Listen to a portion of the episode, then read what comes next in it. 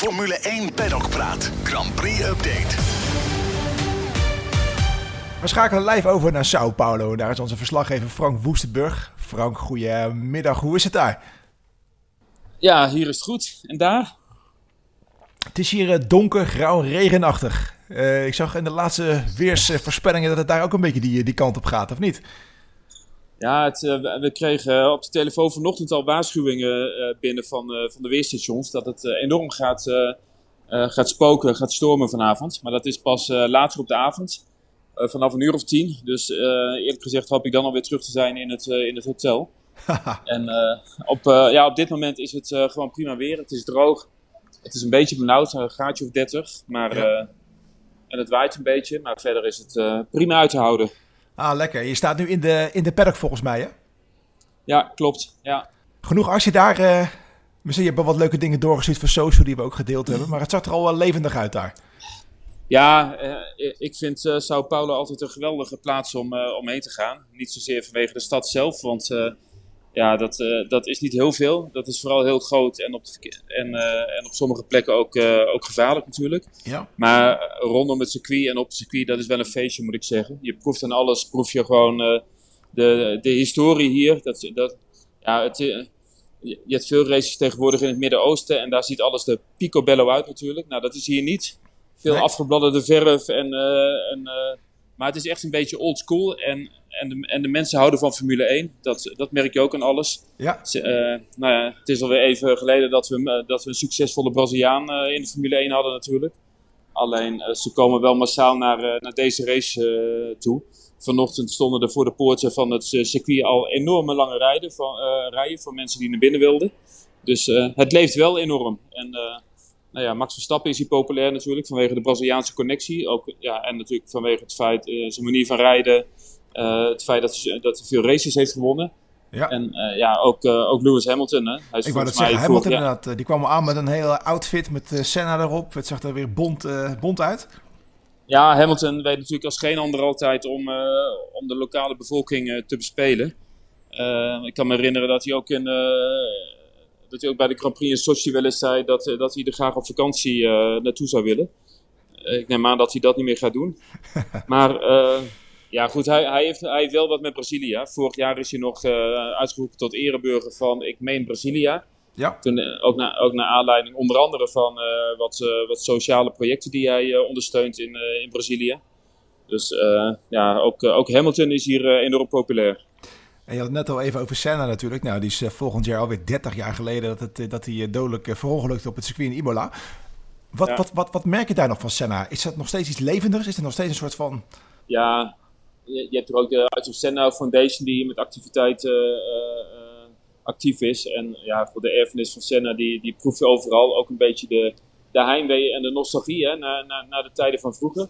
Ja. Ik heb uh, toevallig, uh, of niet toevallig, maar ik heb zo meteen een afspraak met Castaro Fraguas. zeg jij natuurlijk wie? wie? maar dat is, ja, nou, hij dus. Nee, dat is uh, oud, uh, oud wereldkampioen karting. Volgens mij in 1995. Hij uh, bleef er onder andere Jensen Button voor.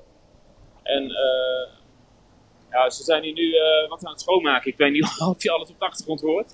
Nee, valt mee. Maar, oh, valt mee, oké. Okay. Maar goed, hij, hij heeft nu ook een rol binnen de Braziliaanse Autosportfederatie. En hij, hij moet een beetje jong Braziliaans talent begeleiden. vanuit het kart naar... naar als ze naar Europa gaan, dan begeleidt hij ze een beetje. En op die manier ja, hopen ze toch ook weer aan, te bouwen aan een nieuwe lichting. Dus nou ja, dat is leuk om met hem daarover van gedachten te wisselen. Nou, zeker inderdaad. En vooral natuurlijk net ook bekend geworden is dat ze het contract hebben verlengd tot 2030. Dus het zou leuk zijn als we dan natuurlijk weer een Braziliaanse coureur op de, op de grid kunnen zien. Ja, ja, ik moet zeggen, ik ben wel blij dat ze het contract hebben verlengd. Want dit is echt een autosportland. En we, we, leven in de tijd natuurlijk dat, dat, dat de eigenaren van de Formule 1 vooral plekken opzoeken en contracten sluiten met ja, waar, waar, het grote geld is. Hè? Het Midden-Oosten, Amerika, noem maar op.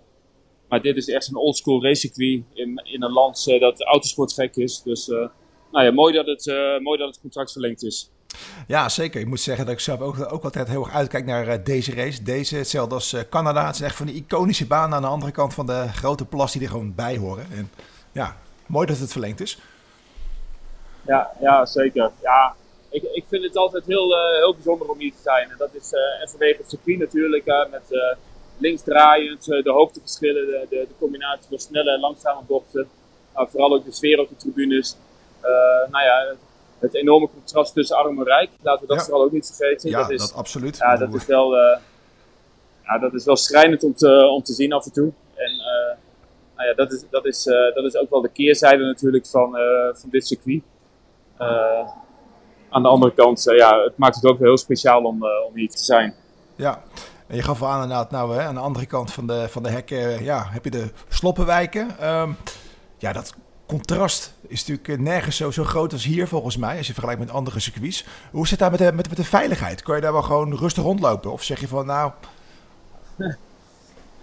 nou, ja, overdag uh, kan, je, nou ja, kan je prima rondlopen rondom de hoofdingang van het circuit.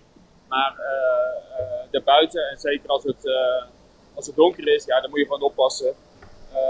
Interlagos achter het circuit, dat is gewoon een van de grotere favela's van de stad.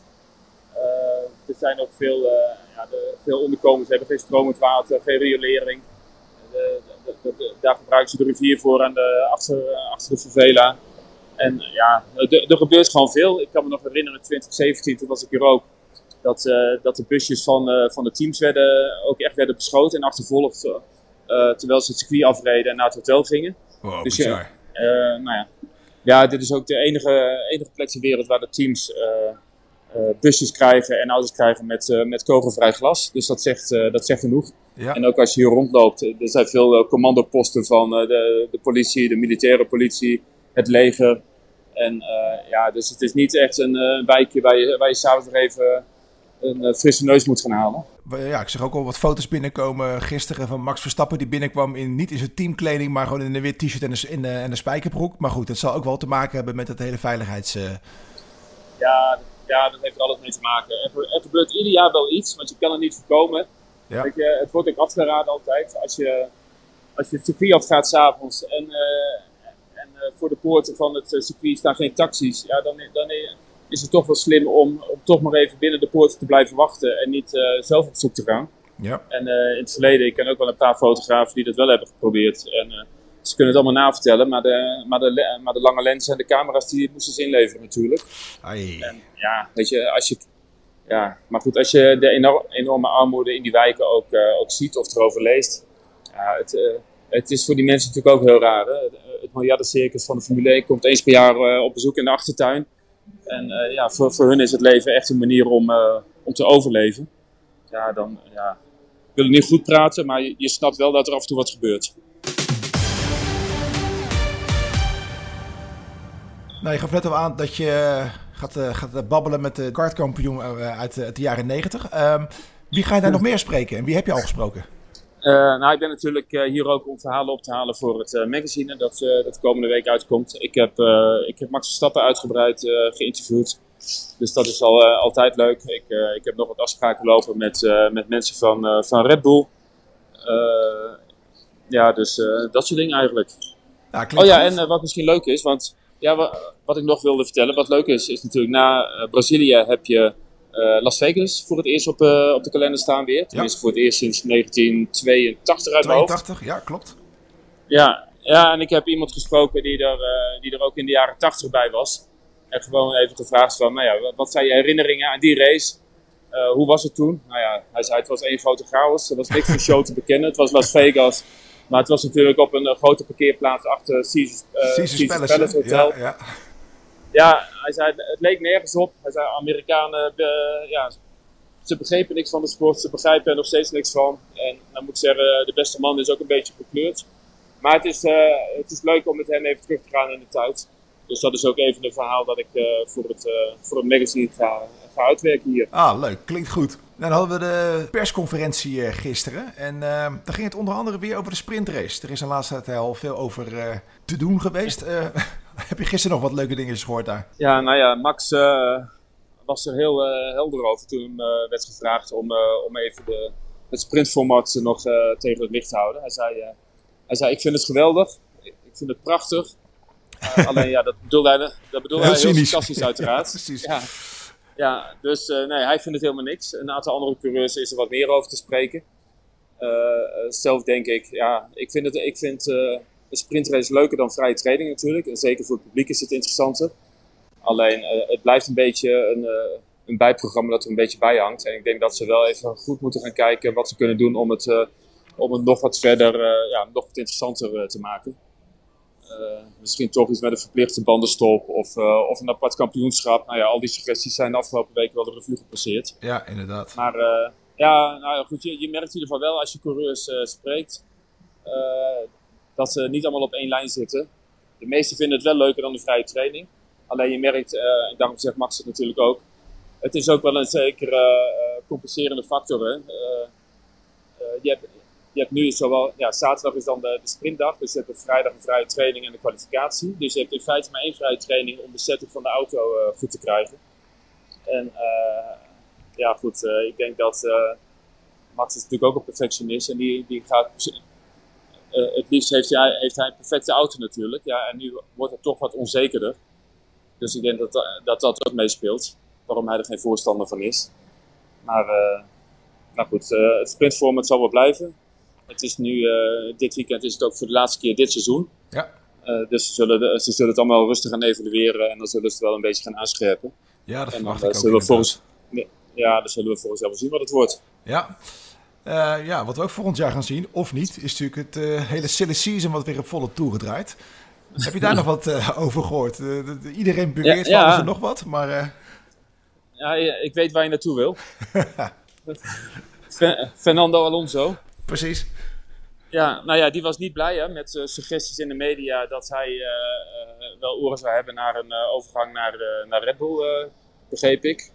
ja, weet je, ik, ik snap zijn ergernis niet zo, want silly season hoort een beetje bij de sport. Hè. Hij doet er zelf ook vaker mee. Ja. En, en, zijn naam werd natuurlijk genoemd door niemand minder dan Helmut Marko. Hè.